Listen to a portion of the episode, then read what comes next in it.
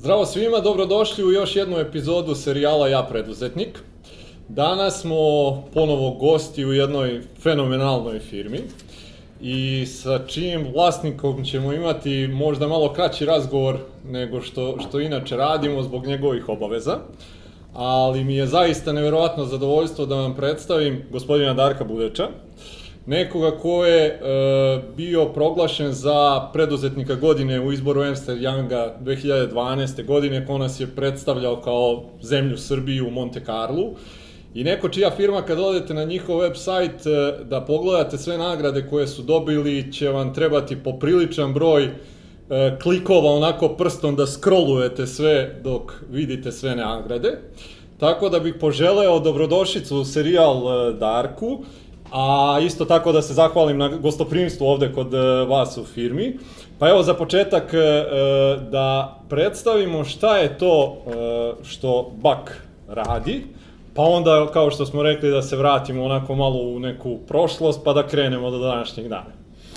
Pa evo ovako, mi se bavimo već 26-7 godina osvetljenjem, profesionalno radimo najsavremenija rešenja raznih e, tipova objekata od arhitekture do infrastrukture i uvek se vodimo nekom našom vizijom da mi verujemo u to da je svetlo od strateškog značaja i da podesiti sve parametre koje utiču na e, dobrobit e, ljudi koji se nalaze u tim prostorijama je jedan vrhunski e, jedno vrhunsko umeće kao u kulinarstvu tako i u rasveti i eto, pokušavamo da u tome budemo u samom svetskom vrhu. I doćemo i do toga, vi ste i uspeli da ovaj uradite tako nešto, ali za početak, pošto nam je to eto kao ovaj neki koncept koji imamo, da se mi vratimo 1961.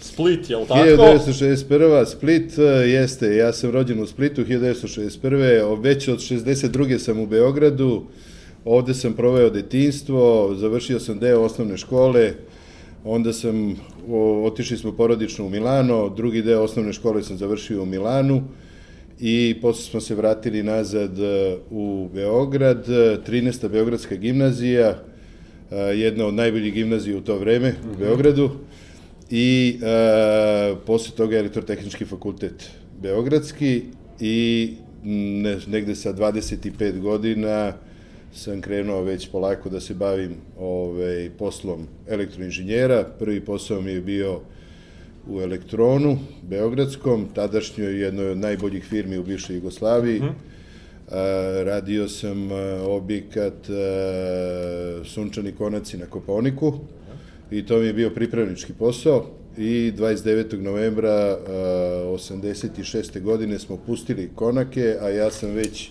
16. decembra bio u Bagdadu, u Iraku, na isto tako jednom od najelitnijih objekata u to vreme na Bliskom istoku, to je bio Oil Complex, uh -huh. Ministarstvo za naftu.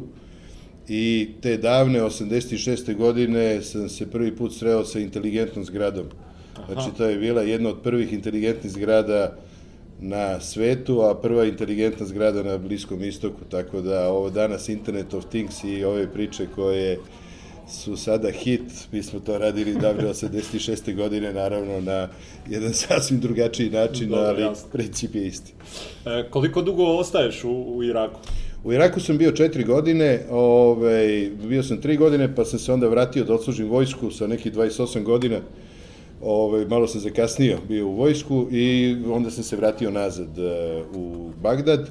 I ostao sam tamo sve do Iračko-Kuvajskog rata, kad je mhm. krenuo rat, ja sam praktično tri dana pre toga ovaj, otišao na godišnji odmor i onda se više nikad nisam vratio. Ali u Iraku je recimo bilo jedno izvaredno iskustvo, ja sam imao tada 25 godina kad sam otišao u Irak, mhm.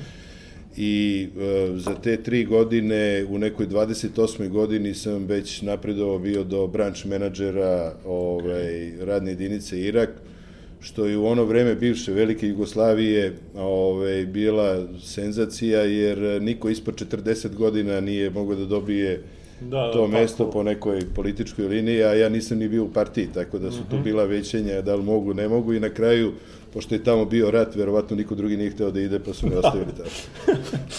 Dobro, reci mi, vraćaš se, znači, iz e, Iraka, dolaziš ponovo u, tom trenutku i dalje Jugoslavija. Jest. Kad se tebi uopšte javlja e, ideja oko toga da bi e, ti pokrenuo neki svoj posao? Pa evo ovako, vrlo interesantno, u tom Iraku smo imali e, različita iskustva, objekat je bio ogroman, tako da e, na tom objektu naravno bilo puno svetiljki. I e, zahvaljujući nekom nesporazumu između plafonđija i ovih koji su birali svetiljke, dobili smo svetiljke koje nisu, nisu bile odgovarajuće za taj plafon. A pošto su bili ratni uslovi, nismo mi mogli da vraćamo te svetike, to su bila cela dva kontejnera, objekat je bio ogroman. I onda smo tamo organizovali prvu proizvodnju svetilki, praktično radionicu u magacinu, gde smo morali da kratimo te svetilke da bi ušli u plafon, tako da je to moje prvo iskustvo sa svetiljkama i sa proizvodnjom. Ovako, šalu na stranu, kad sam se vratio nazad u, u Beogradu, nažalost u to vreme već e, su počinjale neke, neka previranja, bilo je ono vreme e, hiperinflacije. Jasno. i e, tad sam procenio da mm, ne mogu toliko da doprinesem na poslu koliko bih ja želeo, firme su već tad ulazile polako u krizu i onda sam izašao iz elektrona i krenuo da radim zajedno sa nekim svojim prijateljima, nekih 6-9 meseci smo radili neku generalnu trgovinu i tako dalje, onda sam rekao nije ni to za mene, I onda sam polako krenuo u inženjering poslove, e, radili smo spuštene plafone i rasvetu smo tada kupovali.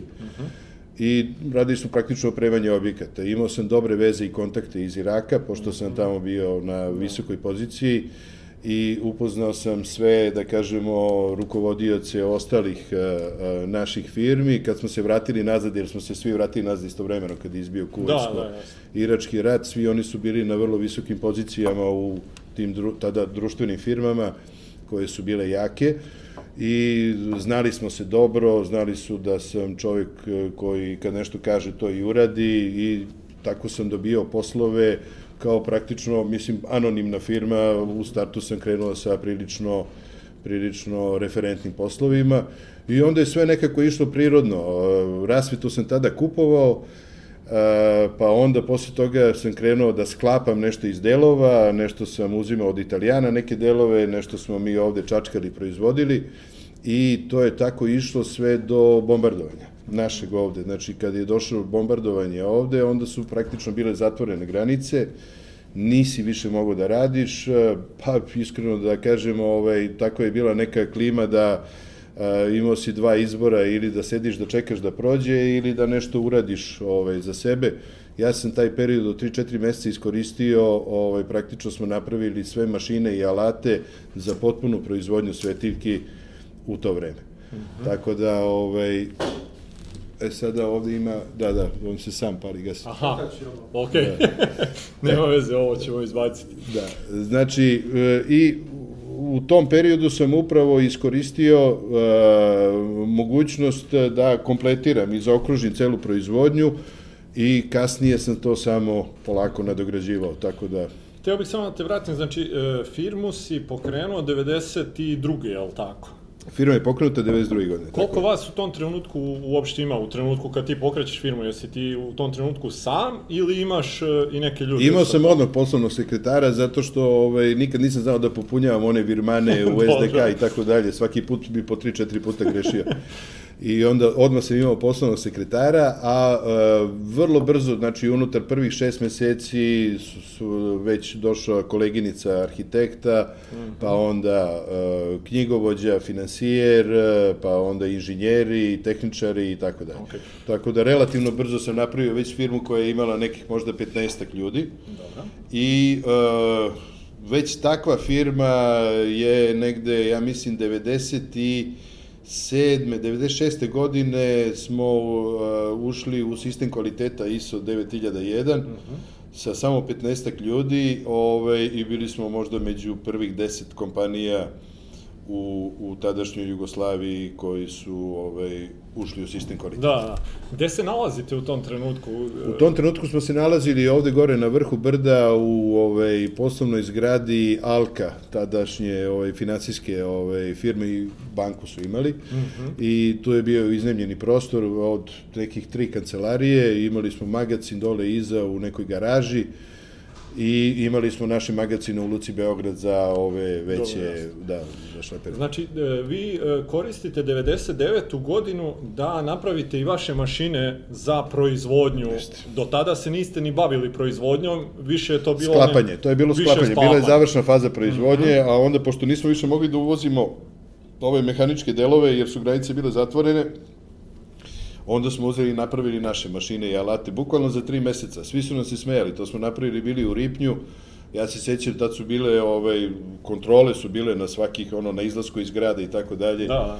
I onda zaustavlja nas milicija, pa šta nosite, a mi ono puno nekog, nekih alata, mašina, šta vam je to da nije neka bomba eksploziva. I tako je. Znači, Znači, Rekao, mi radimo ovde, aj, samo vi radite.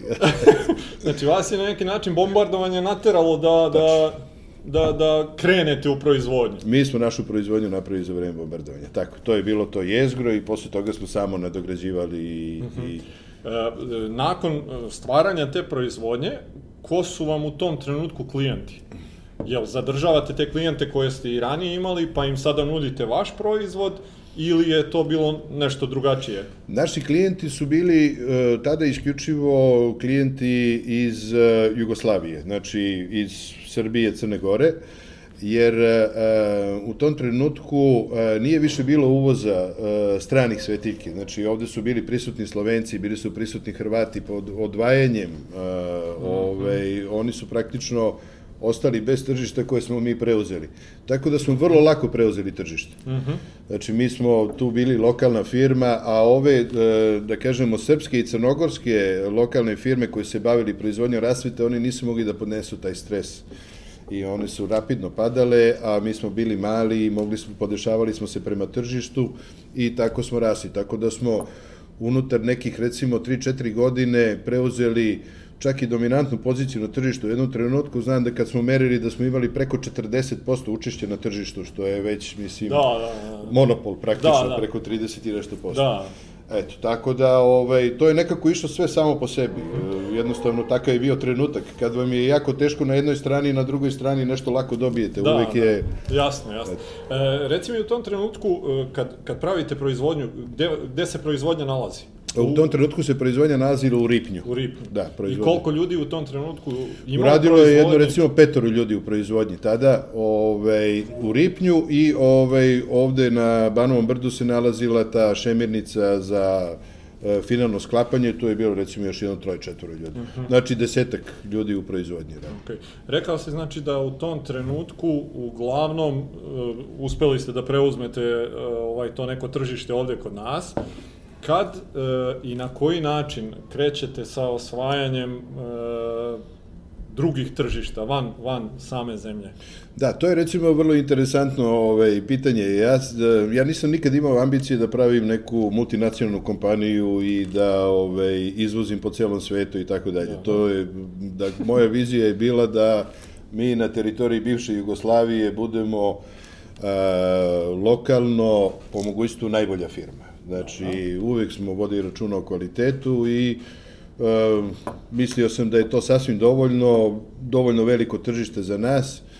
I međutim, ovaj, kad su došle ove svetske krize, e, to se pokazalo kao e, onako da kažem jedna iluzija e, koja nas je dosta, dosta i potresla kad je došla svetska kriza, praktično naše tržište tih kvalitetnih objekata, mi radimo samo u segmentu od 10 do 15% kvalitetnog dela tržišta, se praktično kompletno urušilo zato što su to bili objekti koji su bili strani objekti pretežno, odnosno objekti stranih firmi koje su ovde ovaj, počinjale biznis i e, oni su se prvi povukli. Taj strani kapital se povukao u ovaj, ovoj finansijskoj krizi, tako da smo ostali bez tih kvalitetnih objekata. Napravili smo trenutnu promenu, izašli smo u Rusiju, Dobro. i otvorili smo predstavništvo tada u Moskvi i bukvalno unutar tri godine uspeli da u toj regiji Moskve budemo među tri najprodavanija zapadna brenda. Znači imali smo jednu strašnu uzlaznu liniju ovaj, u tom periodu. E, pogodovalo nam je to što nismo imali carine, e, odnosno Jasno. naše svetike su bile nešto jeftinije u toj klasi najkvalitetnijih zapadnih svetiljki. I tamo su, da kažemo, ta ciljna grupa su nam opet bile strane firme koje su bili zakupci ili nosioci e, tih e, e, ključu ruke poslova velikih e, zgrada u elitnim delovima Moskve. Mi smo uspeli da pokrijemo praktično samo tu regiju Moskve, jer Moskva je ogromna, mislim, 12 Jasno. miliona ljudi. I uspeli smo da se probijemo tu na sam vrh i da izgradimo brend za manje od pet godina. To je bilo, da kažemo, prosto onako meteorski uspon. I e, lepo smo preskočili, da kažemo, sa srpskog tržišta na rusko tržište i onda smo već shvatili da ne možemo ostati u granicama e, bivše Jugoslavije i počeli smo polako zrakasto da se širimo po Evropi. Otišli smo u Italiju, tu smo otišli radi dizajna, e, da bi se takmičili sa italijanskim firmama po dizajnu. I otišli smo u Skandinaviju, tu smo se takmičili sa skandinavskim firmama po kvalitetu. I to su nam bili više pilot projekti da bi mi imali vrhunski dizajn i da bi mi imali vrhunski kvalitet, jer vi morate Jasno. da uterate ovaj, jedno i drugo da biste bili ovaj, jako dobri u ovom poslu. I, ali smo najviše prodavali u Rusiji. E, onda je došla rusko-ukrajinska kriza, koja je bukvalno iznenada došla kao grom iz vedra neba, znači to nije bilo predvidivo. I tu smo bukvalno preko noći izgubili 60% našeg prometa. Znači, kad, jer i Ukrajina i Rusija su bila naša dva odlična uh, odlična, ovaj, uh, odlična teritorija da smo prodavali.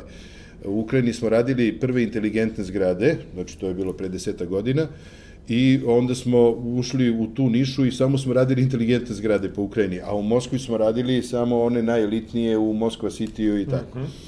Tako da, ovaj, kad je došao taj rat, nažalost, eh, eh, izgubili smo 60% prometa bukvalno preko noći i onda je bilo povuci potegni, ajde sada mi na brzinu da idemo i da razvijemo one klice po Evropi koje smo Dobro. ranije više držali kao neki lakmus papir, da znamo da smo u tom kvalitetu i da znamo da je dizajn dopadljiv. I e, onda sam malo stavio prst na čelo i rekao, pa gde ćemo sad da idemo, ajde da idemo tamo gde, mislim, više neće biti ratova sigurno, gde nema ekonomskih kriza, gde, gde će kriza zadnja doći.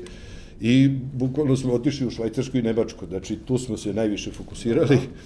I za nekih, recimo, godinu, godinu i po dana uspeli tamo da nađemo jako dobre partnere, sa kojima i dan danas radimo i danas su nam to, da kažemo, veoma jaka tržišta, Skandinavija, Švajcarska, Nemačka, Velika Britanija, Irska, Belgija i tako dalje. To je od evropskih tržišta. Da, I e, tako smo uspeli da prebrodimo tu krizu. Onda smo o, i da se stabilišemo na evropskom tržištu, onda se umeđu vremenu povratilo i naše tržište, tako da danas radimo dosta i na našem tržištu, opet objekata koji su malo zahtevniji, gde se kvalitet e, e, traži i gde ovaj, znaju da razlikuju kvalitet.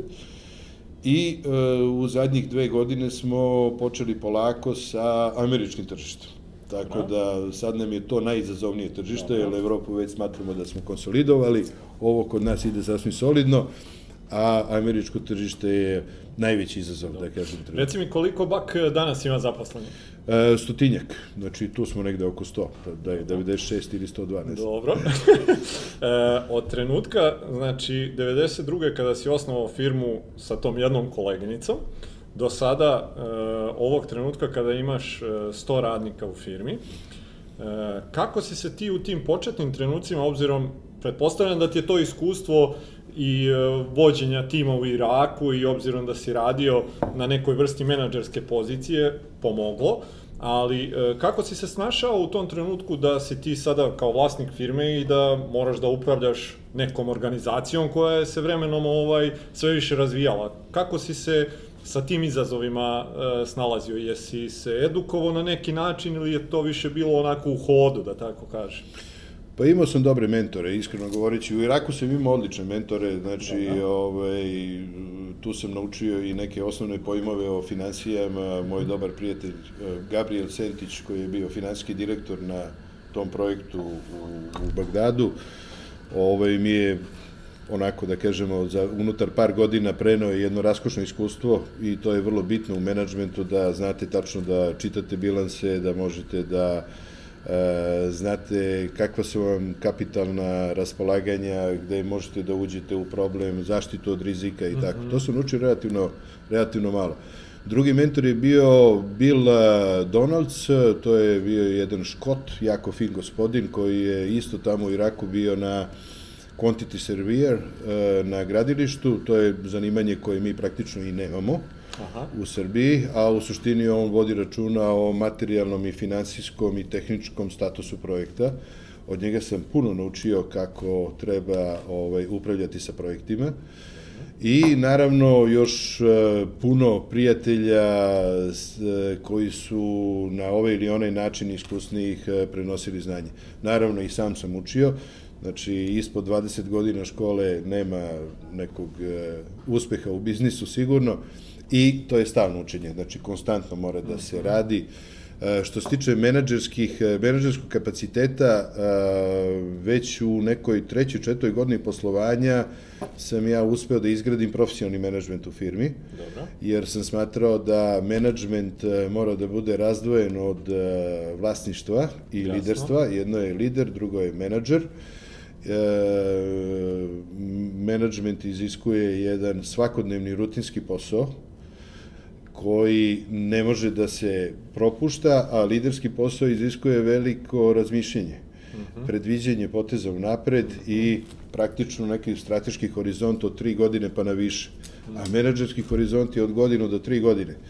Tako da ovaj, tu smo se mi odmah podelili i to je bio, da kažem, jako Uh, možda i ključni faktor uspeha Baka, zašto je uvek uh, preskakao te krize, zato što smo mi uvek imali tri godine unapred e, viziju gde ćemo ići. E, mi dan danas imamo u Fioci proizvode koji su u nekoj početnoj ili srednjoj fazi razvoja koje možemo brzo da pustimo na tržište, a koji su bukvalno budućnost uh -huh. u kom pravcu ide tržište. -huh. Tako da ovaj, možemo jako brzo da reagujemo i važimo za firmu u branši koja je imala uvek dobra strateška opredeljenja i koja je imala ispravnu viziju u kom pravcu ide tržište. Mm -hmm. To su nam čak priznanje odali i konkurenti da. koji, s kojima smo mi jako dobro da. e, reci mi, e, taj deo mislim e, da je jako bitan koji si spomenuo razdvajanja vlasništva i menadžmenta i mislim da se veliki broj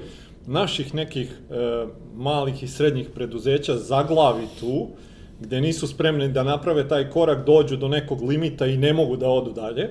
Jesi ti sam postao svestan toga ili si opet kroz možda neki mentorski savet ili tako nešto e, došao do tog zaključka?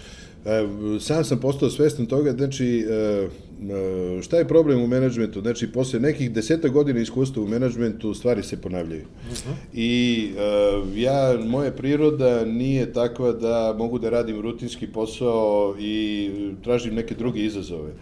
Tako da, to je meni postalo dosadno. I kada vam je nešto dosadno, onda radite preko volje. Onda da. bolje da angažujete čoveka koji će to da radi ovaj, savesno i koji to radi bolje od vas, mm -hmm. nesumnjivo, jer mu je to profesija.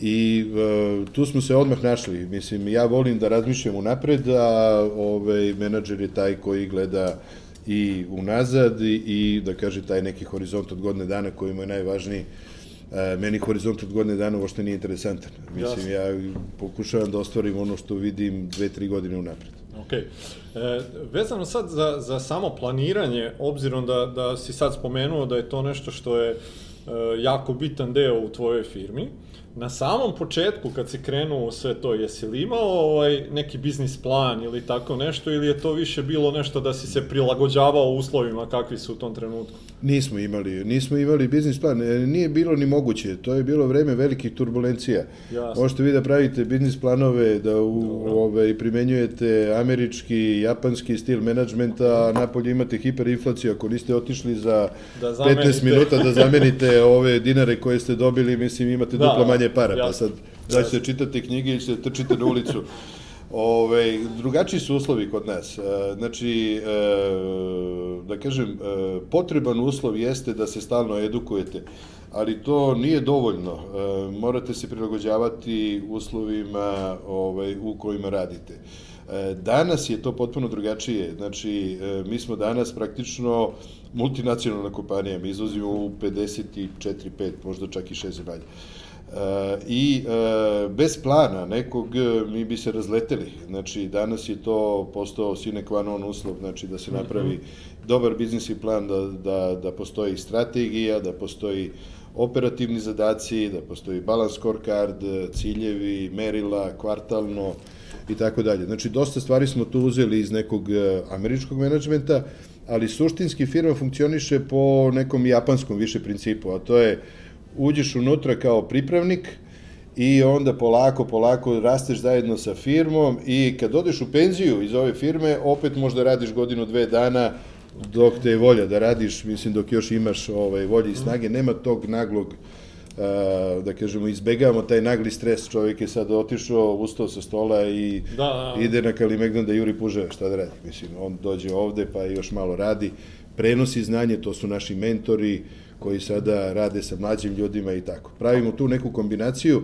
ali generalno nam je stalo da naš zaposleni bude posvećen firmi u potpunosti i da firma bude posvećena njemu. Uh mhm. -huh. Znači, ta neka interakcija koju smo mi uspeli da napravimo, mislim da je uh, nešto što je možda i najvrednije što imamo. Uh mhm. -huh. Kako si došao do te filozofije celokupne? Jesi to video negde pa prekopirao ili si uzimao možda sa više mesta neke stvari koje su ti delovale da bi najbolje funkcionisale ovde za, za naše tržište, ja tako kažem? Pa evo ovako, znači ovaj, više, više sam uzimao neke segmente i inserte i onda pokušavao to da uklopim e, na neki svoj način. Znači, uh mhm. -huh. linije vodilje sam uzimao iz nekih, e, da kažem, antologijskih učbenika o marketingu, menadžmentu, mislim, jer taj bazni marketing i menadžment važi pod svim uslovima. Mm -hmm. I u 20. veku i u 21. veku.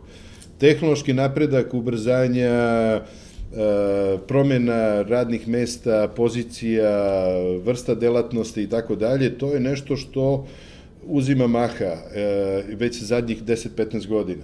Prema tome, znači, ne možete se držati ničega slepo, morate da shvatite da ste na godinu i po ili dve od bankrota u svakom trenutku ako se ne menjate, ako ne menjate mm -hmm. proizvod, ako ne menjate način rada, ako ne dodajete neku uslugu, ako ne pravite tehnologiju, mislim godinu i po dve dana i to je kraj. Da, da. E, I e, šta, orijentisati se na ono što vam je najznačajniji resurs najznačajniji resurs su ljudi i to pravi ljudi. Mhm. -huh. Prema tome, znači, najviše morate da ulažete u edukaciju ljudi. Uh. -huh.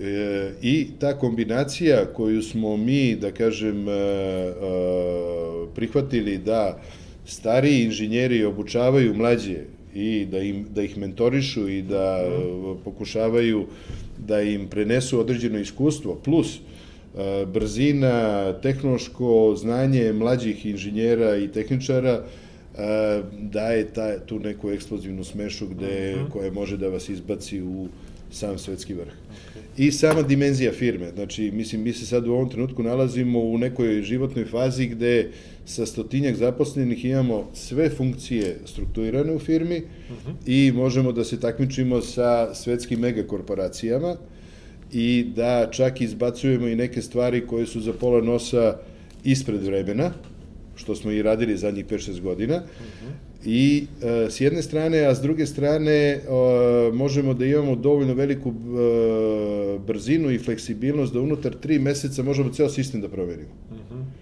Znači, i to je naša prednost. Znači, e, velike korporacije ne mogu da se promene za 3 meseca. Jasno. Mi za 3 meseca možemo bukvalno da skrenemo i 30 stepeni u levo i desno. Što je još koristeći najsavremeniju tehnologiju, ušli smo u digitalizaciju, mi smo ušli pre neki 4-5 godina. Uh mhm. -huh. Mi sa, sada, ka, kako funkcioniše naša proizvodnja, nema papira, nema ništa, sve je uh mhm. -huh. u digitalnom formatu, mislim, ja to još nisam video iskreno na zapadu. Okay. Znači, na zapadu još uvek vuku papirići. Da, da. Bar ono u ovim fabrikama gde sam da. ja bio. Reci mi, spomenuo se sad da su vam onako ljudi jedna od glavnih resursa, da tako kažem. Najvažniji, da. Najvažniji. najvažniji. E, kod zapošljavanja istih, e, od samog početka recimo, ne znam sad da li se ti lično baviš zapošljavanjem novih ljudi ili ne, šta ti je bilo bitno i na koji način si odlučivao ko će da postane deo baka, ako ne? Pa, ja sam, ja uvek odlučujem na bazi toga ako neko stvarno hoće da radi i ako hoće da uči, nema ovde nikakvih e, svemirskih brodova koji ne mogu da se ovladaju. Znači, meni je samo bitno da pojedinac želi da radi, da uči i da može da se uklopi u našu organizacijnu kulturu koja je onako, da kažemo, malo slobodnija, specifičnija, e, uspeli smo da izgradimo tu organizacijnu kulturu gde se ljudi jednostavno osjećaju nešto bolje nego na drugom mestu. Ok. E, kad pogledaš sebe sad u zadnjih, eto, firma znači posluje već 26 godina, je li tako? Kad pogledaš sebe unazad, šta smatraš nekim najvažnijim karakteristikama i osobinama koje si promenio, prilagodio ili šta god već uradio, koje su zaslužne za to da Bak ima uspeh kakav ima? Pa, evo ovako, prvo ja sam uvek rezervisan prema ulozi pojedinca u timu. Mislim, e, moja najveća, moj najveći kvalitet je bio u suštini da okupim ovako dobri ljudi. A posle toga ti timovi su sve ostalo uradili. Ali bukvalno timovi. Mi nemamo nikakve zvezde u našim timovima, ali timski, kad oni sednu za sto, njih petoro, šestoro ili desetoro, to samo možete da zapisujete ideje i, Okej. i rešenje i da se divite. Mislim, to je upravo, to je moja pozicija. Znači, ako trebamo da odlučimo u kom pravcu treba da idemo, postavimo neko pitanje, napravimo neku debatu, odatle izađu 3, 4, pet vrlo kvalitetnih predloga ili rešenja i sada na meni je da među 3, 4 već kvalitetne rešenja odaberem i jedan, mislim. To bi u suštini mogo svako drugi da uradi. Tako da, mislim, ta moja neka uloga u svemu ovome e, nekako kroz vreme se izgubila. E, danas to funkcioniše na jednoj timskoj, na jednoj timskoj osnovi i ne, ne vidim da sam ja sada tu doprineo radikalno. Znači, ne, upravo, eto, malo tu usmerim, malo uspem da iz neke šume izvučem e, par dobrih cepanica i to je to, tako i dobro. Dobro, e, ne bih ja se baš složio sa tim. Mislim da je tvoja uloga tu i tekako ključna, pogotovo zbog e, na neki način te kompanijske kulture koja je e, napravljena u Baku zahvaljujući tebi. Ti si taj uvek od vlasnika, mislim da to, da to kreće. E sad ono što me zanima, rekao si da ti od tvog tima dobiješ recimo tri ili četiri neka rešenja, ali si na kraju dana ipak taj, ti taj koji treba da odluči od ta tri ili četiri koje će da bude. Generalno gledano za sve odluke koje donosiš u firmi, e, postoji li neki proces ovaj sam možda razmišljanja ili donošenja odluke koji si onako razvio godinama i koji ti pomaže u, u, u, na kraju dana kad kažeš ok, od ova tri ili četiri rešenja, ovo je pravo. Pa sigurno da postoji. Mislim, to je sad već malo stvari karaktera, fokusiranja, e, da kažemo nekog možda i onako prirodnog talenta da od e, desetak stvari na stolu uzmeš pravu stvar. Mislim, to je jednostavno i neki osjećaj koji se razvija. Ta intuicija, neka brzopotezna inteligencija, da kažem, plus iskustvo, je verovatno ta intuicija koja ovaj, e, ali uh, iskreno govoreći na kraju kada se razmota statistika, mislim u ovih 26-7 godina, znači trećina ideja je bila izvrsna i na njima smo jedrili onako ohoho, trećina ideja je bila prosječna i na njima smo ove, isto tako solidno prolazili, a mislim trećina uopšte nije valjala, tako da mislim to smo bacili. Mislim na kraju kad se uvede statistika, nema tu nikakvog magic toucha. Dobro.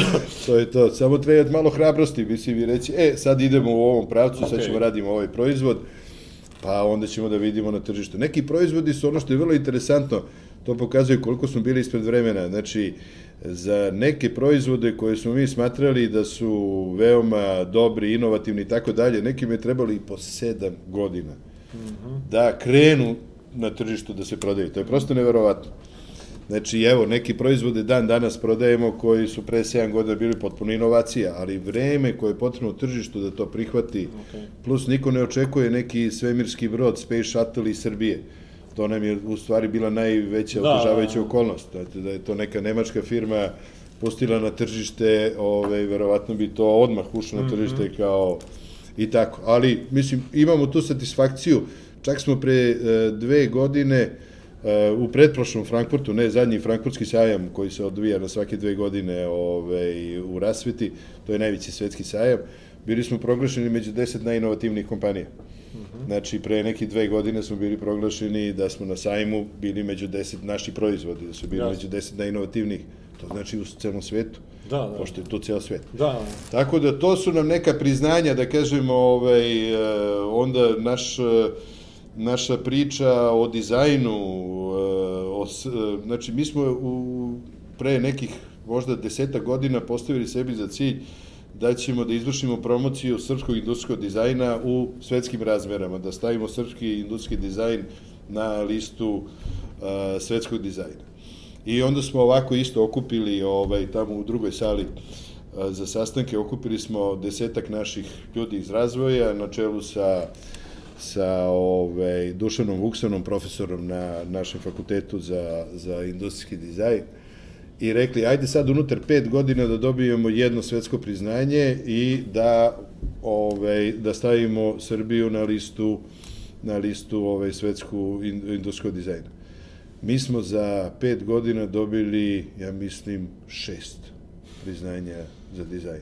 Od toga smo jedne godine u Americi dobili tri uh, good dizajna, znači za tri proizvoda, i te godine, ja mislim, to bila 2011. sad, slagaću te, godine smo, znači, dobili mi tri good dizajna i Apple. Jedino mi i Apple smo imali tri good dizajna u toj godini. Tako da u nekim stvarima, gde god smo se u stvari zainteresovali, fokusirali i onako da napravili jednu pozitivnu sinergiju i stvarno marljivo radili, uspeli smo da se probijemo Da. u sam, sam svetski vrh. Smatraš i taj fokus jako bitnom stvari? Od presudnog značaja. To je od presudnog značaja, e, to smo tek e, konfirmirali kad smo malo više izašli na ovo nemačko govorno područje. Njihov ključni faktor uspeha je fokus.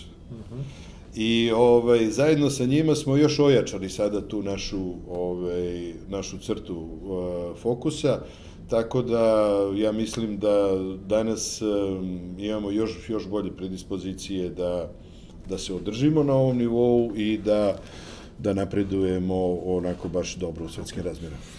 E, Kad pogledaš, e, zanima me kako ti je, da uporedimo sad, e, taj početni period, kako je izgledao tvoj dan kao vlasnika firme i kako ti izgleda sada nakon 26 godina. Jel možeš da kažeš par reči samo kako je to izgledalo tada, koliko ti je trajao taj radni dan i kako to izgleda sada, koje su se stvari promenile? Pa, u početku čovjek radi sve. Znači, radi, na, sećam se da sam, ovaj, tada kad sam počinjao, neki tržni centri su se gradili po centru grada, ja mislim da onaj, da li staklenac ili tamo kod Mažestika, Sećam se da sam neke flajere ovaj, oštampao i onda sam ih ubacivao ispod vrata dole od ovih lokala, jer mi smo radili Dobro. plafone i rasvetu da se ljudi jave da to kupe. To su bili neki početci, da kažemo.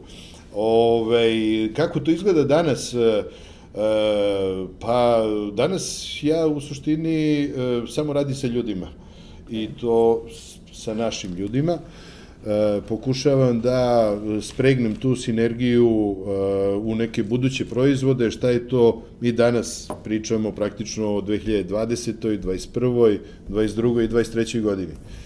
E, I pravimo neke planove šta ćemo izbacivati na tržište, pod kojim uslovima i tako dalje. Znači, danas je, da kažem, neki više futuristički rad. A ovaj, ono ranije je bilo realno, mislim, od istovaranja šlepera, ubacivanja letaka ispod, ispod ovaj vrata, nekad smo i šemirali svetike, jel tako, mislim, sve, sve ono što je Devojka trebalo, za sve. brojali robu, tako je, istovarali, utovarali i tako. Mislim, nije to ništa bilo ovaj, ni teško, ni komplikovano, E, danas je možda čak, e, da kažem, misalnom daleko napornije, ali opet to je jedno veliko zadovoljstvo, mislim, ovih 25-6 godina je prošlo, to je vrlo važno da radite ono što volite da radite, inače posao postaje robija.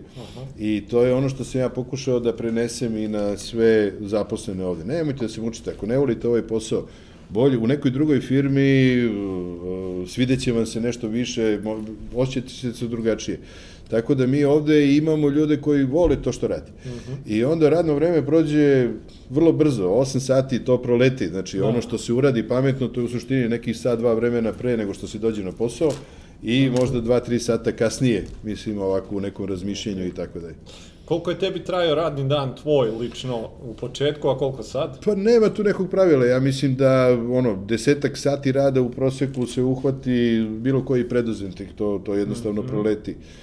E, nekad se zakači i 12 i 16, mislim, zavisi kad ideš negde na put, za tri dana se ja prolazio po 3-4 hiljade kilometara i radio po 3-4 sastanka dnevno, kad smo razređivali to tržište u inostranstvu i tako dalje.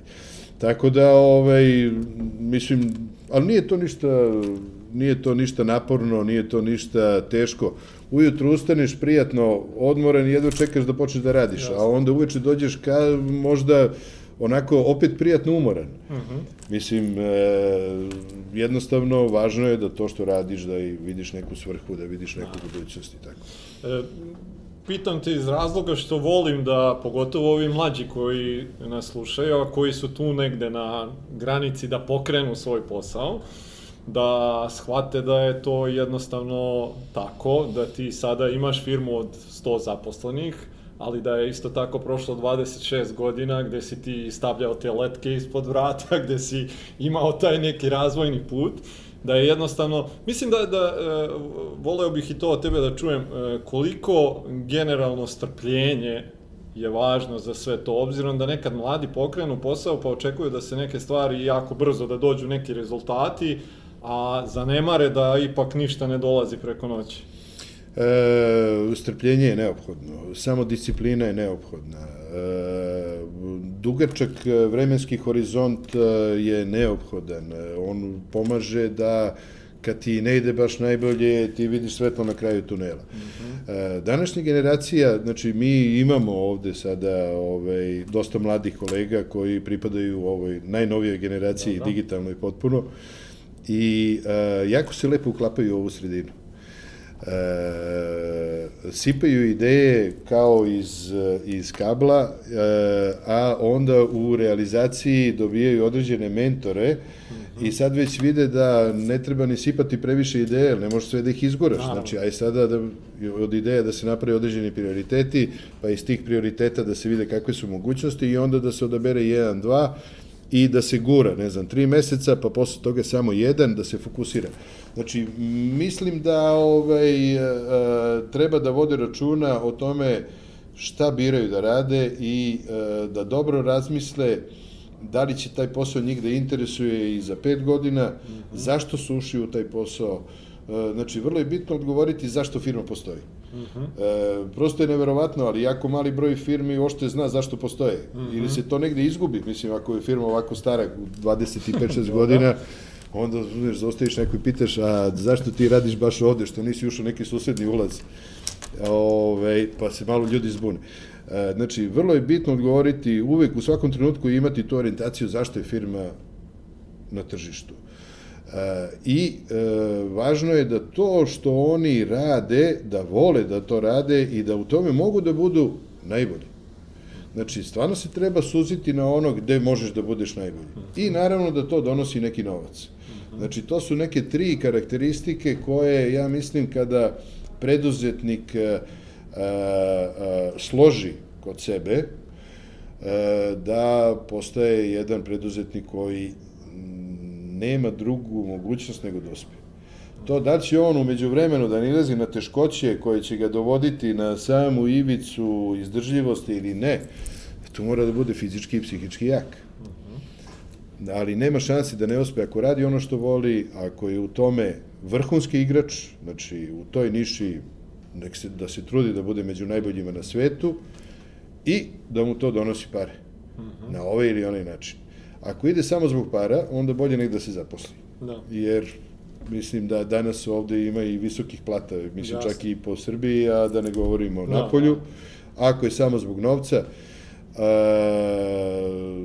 posle nekih 4-5 godina kada firma već stane na noge, danas to ide mnogo brže, znači zavisi šta se bira, koja branša, a, pare postoji relevantne. I ostaje ono ili ti to voliš ili ne voliš, Jasno. jesi ti u tome najbolji ili nisi najbolji. I zašto ti to uopšte radiš? Šta ti doprinosiš, šta ti hoćeš sa time da postigneš? Znači, to je taj mislovni proces koji preduzetnik stalno mora da, da, ovaj, da vrti kod sebe. I druga stvar, današnje generacije, o, mislim, ja pokušavam da o, mentorišem nekih 5-6 firmi, ja sada ovaj, u, u, u Korpici koji se s vremena na vreme javljaju, pa pokušavamo zajedno da nađemo neke ovaj, e, optimalne pravce. Znači, ovo je ipak 21. vek. Mi smo teoretski firme iz 20. veka. Čim se ti baviš proizvodnjom, to je bilo nešto što je u 19. i 20. veku bilo neka komparativna prednost. U 21. veku u Srbiji pod ovim okolnostima e, nova generacija koja je rođena praktično sa novom tehnologijom i digitalno razmišlja, e, po meni pre svega treba da se orijentiše na poslove koji su vezani za Internet of Things, e, generalno brz protok informacija, dobru sistematizaciju informacija i da u tome negde gleda da plasira neki hardware, software, uslugu, nađe neku tržišnu nišu, e, jer može odmah da postane svetski lider. Mislim, imamo mi takve firme u Srbiji Jasno. koji su bukvalno unutar tri godine, četiri, postali sami svetski vrhovi, jer to je neki posao koji nam odgovara. Mi nismo puno disciplinovana nacija, a smo veoma kreativni, vrlo smo agilni, jako smo fleksibilni, možemo da bukvalno ni iz čega napravimo nešto i ovaj deo, da kažemo, ovaj, nove tehnologije nama leži. Meni su se smejali pre 10 godina kad sam rekao pustite vi na nekom ekonomskom skupu, pustite vi poljoprivredu, mi smo poljoprivredna zemlja već par stotina godina, to će samo po sebi da raste. Gledajte vi IT, oni su mi rekli, ja pa znam, mi u poljoprivredi imamo milijarde, a u IT-u nemamo ni 100 miliona. Pa rekao, pratite, danas mi u IT-u imamo milijarde, a u poljoprivredi imamo iste milijarde. Da, da. Znači, treba se orijentisati na vreme. Pre 10 godina da se Srbija orijentisala na digitalnu Srbiju i ovaj, gde bi nama danas kraj bio. Znate gde je Irska otišla? Da. Ovde je bio pre neki dan, no, pre, pre par nedelje je bio jedan irski konsultant za neku novu tehnologiju koju smo uveli u, u proizvodnji elektronike. Pa mislim, ja kad sam vidio gde, šta oni rade, šta oni znaju, Irci danas, pa to je neverovatno, mislim, oni su perjanice Evrope u tome. I isto tako, Srbija i Irska, male zemlje, mislim, moraš da se skoncentrišeš u nešto na nivou zemlje i da tučeš u tu tačku i da tu budeš među najboljima na svetu, a ovo na nekako prirodno leži. Tako da u ovom 21. veku pitanje je da li treba ovde razređivati proizvodnje. Naravno da, ako se nađe tržišna niša i tako dalje, ali to je posao iz 19. i 20. veka. Da. E sad, kombinacija proizvodnje, usluge, Internet of Thingsa, to je ono što mi radimo. I, ali gledamo da ta usluga i to znanje i ta korpa koju mi budemo spakovali i lansirali na tržištu bude najinovativnija. Tako smo prošle godine u Americi krenuli da radimo uh, Power over Ethernet tehnologiju, gde se svetlika napaja praktično sa niskog napona iz rutera. Znači, to su bili prvi objekti po Americi, a mi smo tu ušli zajedno sa velikim svetskim brendovima ovaj, američkim u same pionirske zahvate, me razumete?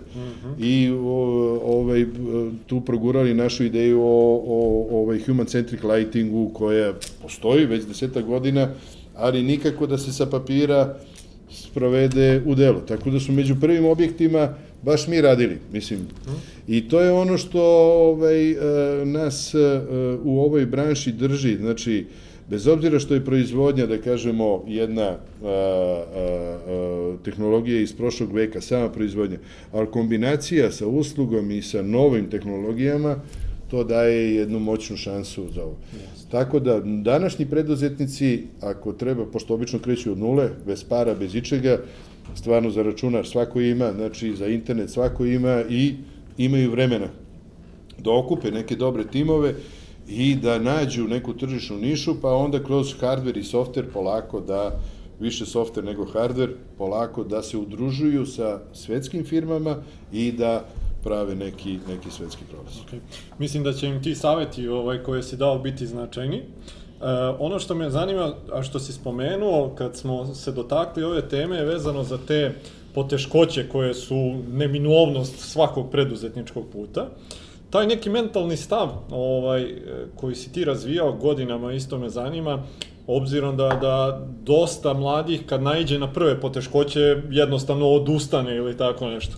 Koliko je važno, ovaj, i recimo zanima me i na koji način je to evoluiralo kod tebe na neki način, da si e, sada kad pogledaš kakav ti je e, tvoja perspektiva što se poteškoća tiče, izazova sa kojima se susrećeš, je se to promenilo u odnosu na taj neki početni period kad pogledaš sebe tada i sada?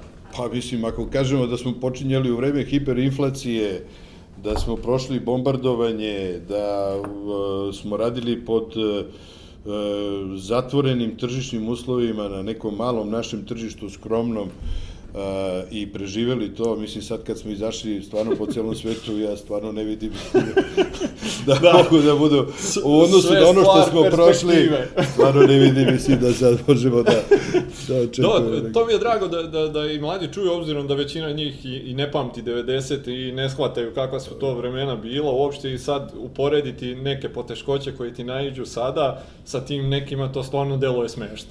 Pa mislim, ja, ja to kažem i našim prijateljima, strancima, Aha. mislim, pod kojim uslovima su oni rasli zadnjih, ne znam, 70-80 godina, a pod kojim uslovima smo mi rasli ovih zadnjih 20 godina. Oni ljudi, oni, se, oni ne bi preživali to. Uh mhm. -huh. Razumem, mislim, mi kao generalno pod ovim okolnostima pod kojima je naše tržište se kreiralo, Znači, 80% stranih firmi to ne bi nikad proživalo. Jasno, jasno. I prema tome, ako smo to mogli da uradimo, da. onda znate da imamo neki kapacitet više mm -hmm. u izdržljivosti. A sad stvarno ne vidim više takve neke turbulencije, mislim, na našem tržištu. I druga stvar, tržište je globalno.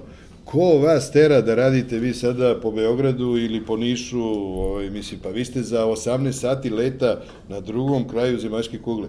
Vi ste za 7 sati u Njujorku, za 7 sati 45 minuta u Njujorku. Mm -hmm. Mislim, za, ne znam, sat i 15 minuta ste u Cirihu, mislim, e, za 2 sata u Londonu i u Nišu, ako idete koliva. Jasno. Pa ko vas te radite u Nišu, radite u Londonu. Mislim, nije, Znači, i globalno i tržište. Zato i kažem, ovaj, savjetujem tim e, našim e, mlađim preduzetnicima koji sada počinju da vode računa o marketingu e, i brzini protoka informacije. Marketing je, recimo, jako skup u ovim biznisima gde se pravi proizvodnje. Znači, fabrika košta ništa u odnosu na to koliko ćete u 10 godina uložiti u marketing da ne misli ljudi da sada samo zgrada, objekat, mašine i tako dalje daju neku komparativnu prednost na tržištu. Mm -hmm. Greška. Mm -hmm. Znači, marketing je vrlo velika stavka. Prema tome, vi kad radite neki nov proizvod, bez obzira bio on iz IT-a ili iz ove naše industrije, vi morate računati kako će taj proizvod da plasirate vama je najjeftiniji marketing digitalni u ovom trenutku. Jasno. Znači, ako radite, razmišljate digitalno, radite digitalan proizvod i marketirate digitalno, vi ste u fulu na, u 21. veku na samoj na samom vrhu talasa tehnološkog. Uh mhm. -huh. I ako tu imate znanje koje je svetski vrh, uh mhm. -huh. nema šanse da ne uspete a nemate nikakvu težinu iza sebe da morate da pravite objekte, vučete mašine i tako dalje, koje imaju svoju specifičnost. Ali kažem, ta specifičnost je ipak mm -hmm. iz prošlog veka, treba biti obazriv. Mm -hmm. Tako da, O, spomenuo si, odnosno ja sam spomenuo na početku, ti si spomenuo iste neke te nagrade koje ste dobili, ali bih voleo stvarno da se osvrnem na njih, obzirom da je broj izuzetno veliki. E, ne možemo ih sigurno sve pobrojati. Spomenuo sam da si bio proglašen za, za preduzetnika godine od strane Erste Younga i to je prvi put tada u Srbiji, to je tako od 2012. i predstavljao si nas na ovaj, tom skupu u Monte Carlo. E, koliko ti je, želeo bih da spomeneš još par nekih, ali me zanima, baš mislim da ta nagrada ima onako neku specifičnu težinu, obzirom i da znam ko su bili drugi preduzetnici koji su bili tu ovaj, u krugu. Koliko je to tebi značilo? ovaj, kad, kad pogledaš sad, kad se osvrneš na to, ovaj, i generalno ta nagrada i sve te neke ostale koje ste dobili? Pa ta nagrada ja mislim da je puno značila. Ne bi sad mogo da je izmerim, da kažem, ovaj, e, e, konkretno toliko i toliko. Međutim, e, to je prvo najveća svetska nagrada za, za e, preduzetništvo. Mm -hmm. e, koje preko 20 godina se ovaj, odigrava. Drugo, kad sam ja otišao tamo u Monte Carlo 2013. godine sa tom generacijom, znači bilo je negde 49 nas je bilo iz celog sveta, a 54 milijarde je bio promet od mhm. nas 50-ak. Znači, uključiš i mene sa nula milijardi. Znači, to su ipak igrači koji su ovako, a svi potpuno normalni. Mm -hmm. ove, I veoma otvoreni i pristupačni. E, tako da, to iskustvo tih 4-5 dana gde smo mi predstavljali Srbiju, mislim da je bilo jako dragoceno.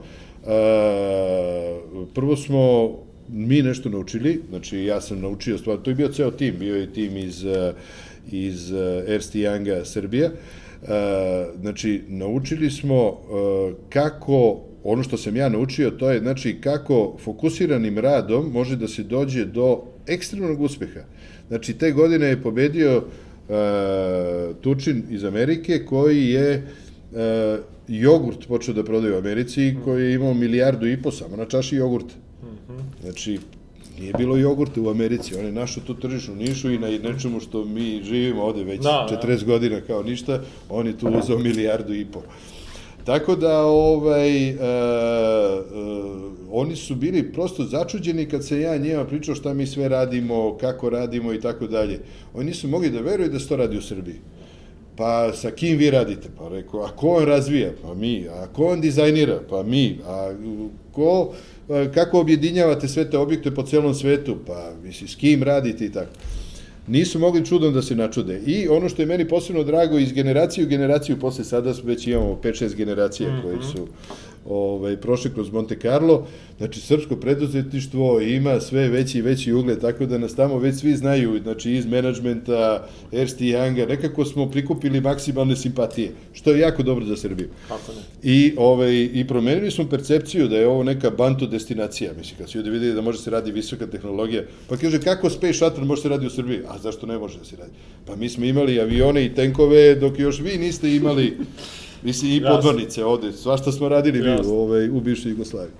I tako da je. Tako da je to sve skupa, da kažemo, bilo jedno krucijalno iskustvo uh -huh. i mogu da savjetujem sve preduzetnike koji uh, žele da konkurišu, da, ovaj, da konkurišu, jer uh, je jedinstveno iskustvo, stvarno. Uh -huh puno se nauči, e, jednostavno menja percepciju. Znači, ja sam iz Monte Carlo došao, i rekao, ok, sad sve moje ambicije skaču za jednu nulu. Mm -hmm. I rekao, ako sam mislio da napravim 10, sad ću da napravim 100. Ako sam mislio da napravim 100, sad ću da napravim 1000, jer sam shvatio kako se lako radi mm -hmm. u multiplikaciji kada se dobro fokusira. Mm -hmm. Znači, taj fokus je vrlo bitan i bitno je da se razmišlja malo globalnije i da ovaj, se ne pravi ta greška koju sam ja pravio u početku, ko će sada da ide po celom svetu, Da, da, to je da. buka teška. Ajde da ja budem lokalno dobar, ali lokalno da budem da. u samom vrhu. To znači, generalno to ti je baš onako proširilo vidike Absolutno. i posle kaže ono mozak kad se jednom proširi ne možeš da ga vratiš više ne, ne, na... nema šanse, gotovo. Sad da, imaš da. potpuno drugu viziju i sad dok nju ne okay. ostvariš nema mira. Ok. Reci mi što se tvoje edukacije sada tiče, u odnosu rekao si da si se edukovao ono godinama na razno razne načine, kako ona izgleda sada? Pa ja se trudim bar jedno, recimo, pola sata do sat dnevno, kada, ove, ovaj, i to u većini slučajeva i, i ispunim, plus ovi godišnji odmori i tako dalje, onda tu po 3-4 sata razno razni mediji, znači od YouTube-a, knjiga, članaka, stručne literature, zavisi šta mi u fokusu pašta, da li godišnji odmor ili je okay. neki radni element, ako je radni element, onda je stručna literatura, ako je godišnji odmor, onda je neka generalna, okay. ovako da kažemo, laganija mm -hmm. literatura, ali ne, ispod, pa mislim, mi ovde imamo pravilo, znači, ispod dva sata dnevno edukacije, ako radiš u sektoru koji je razvoj, recimo, na šta trebaš. Mm -hmm. Znači, minimum dva sata dnevno mora se edukuješ. Mm -hmm. A šest sati da radiš neki operativni deo i tako dalje. Okay, jasno. E, obzirom da si već dao savete za ovaj mlađe, ono koji su tu negde da, da pokrenu, neću te pitati za to jer si ih već onako jako lepo prošao. Ono što me zanima i to je rečenica sa, sa ovaj, i pitanje sa kojim završimo intervju, da imaš priliku da se vratiš u 92. da daš ti mentorski savet Darku iz 92. Šta je to što bi mu rekao? E, u tom periodu, znači, da kad bi se vratio u 92. 92. pod onim okolnostima po kojima je bila ovaj, Jugoslavija tada, sve ovo isto bi trebalo napraviti samo napolje. Znači, radi veličine tržišta, radi porekla i e, to su mi mnoge naše kolege i konsultanti iz Svetske banke koji su nama davali neki turnaround management savete i tako dalje ovde. Znači, čovjek je rekao još pre nekih 15 godina, kaže, ja nemam ni jednu jedinu sugestiju na poboljšanje da nešto u vašem menadžmentu radi i tako dalje, a imam jedan prijateljski savjet. Sve ovo isto napravite samo na polju i vaš uspon će biti meteorološki. Ja nisam teo, pošto sam proveo trećinu života u inostranstvu, što školovanje, što rad i tako dalje, onda kad se vratio nazad ovde, teo sam da to napravim u Srbiji i danas mi puno pomaže to što je globalizacija i nova tehnologija omogućava trenutan protok informacija. Tako da mi tu više sada taj penal što smo mi bili iz neke Srbije koja je u to vreme bila ovaj, ocrnjena maksimalno i tako da. Ja sećam kad sam išao po, ovaj, po tržištu inostranstva ili imao sam ucaj da oni gledaju da nešto ne ukradem iz kancelarije. Da, da. Uđeš unutra, razgovaraš, ovaj gleda da li je novčanik to, da li je... Jasno. Da, tako je bila slika, oni nisu smeju da dođu ovde, oni su mislili da je ovde mm -hmm. i tako da. To se danas sve menja, to da. se sve promenilo, nova tehnologija, komunikacije, Tako da to sada više nije penal, ali onda, okay. znači, da smo ovo isto napravili recimo u Nemačkoj, verovatno bi imali deset puta veći uticaj na svetskom tržištu mm -hmm. nego što ga imam iz Srbije. Da. Neki možda ličniji sam sebi, pored toga, da li bi nešto još rekao? Pa, što se mene tiče, ja, ja sam stvarno onako vrlo zadovoljan čovjek, ostvario sam sve ono što sam želeo e, i imam još toliko, ovaj, a to je sve samo jedna jedno temelje u odnosu na ono što sam ja zamislio. Uh mhm. -huh. Tako da ja mislim, ja sam sebi napravio nekih ciljeva za dva života, verovatno, i mislim, uživam u ovome što radim, tako da nemam nikakav, ovaj, ne bih ništa nešto lično menjao. Tako okay. da. Ok, Darko, hvala ti puno za, za vreme koje si izdvojio, već smo malo probili ovaj termin. E, hvala ti puno, mislim, e, želim ti da, da sve ovo ide ovako kao što je išlo i do sada, mislim da ti isto nećeš imati ovaj zamerke. Hvala ti zaista puno za odvojeno vreme i nadam se da će ovo sve što si rekao pomoći nekim mlađima da, da eto, steknu neka dodatna iskustva iz tvog nekog životnog iskustva i da im to pomogne u njihovom radu. Tu smo da pomognemo ako možemo bilo šta, prema tome ovaj, svako može da se javi, da nas kontaktira, Uh, to nam je dužnost, da napravimo ovu mlađu generaciju da bude daleko bolje od nas. Ok. Hvala još jednom puno, hvala i vama što ste bili uz nas, vidimo se i sledeće nedelje. Prijatno!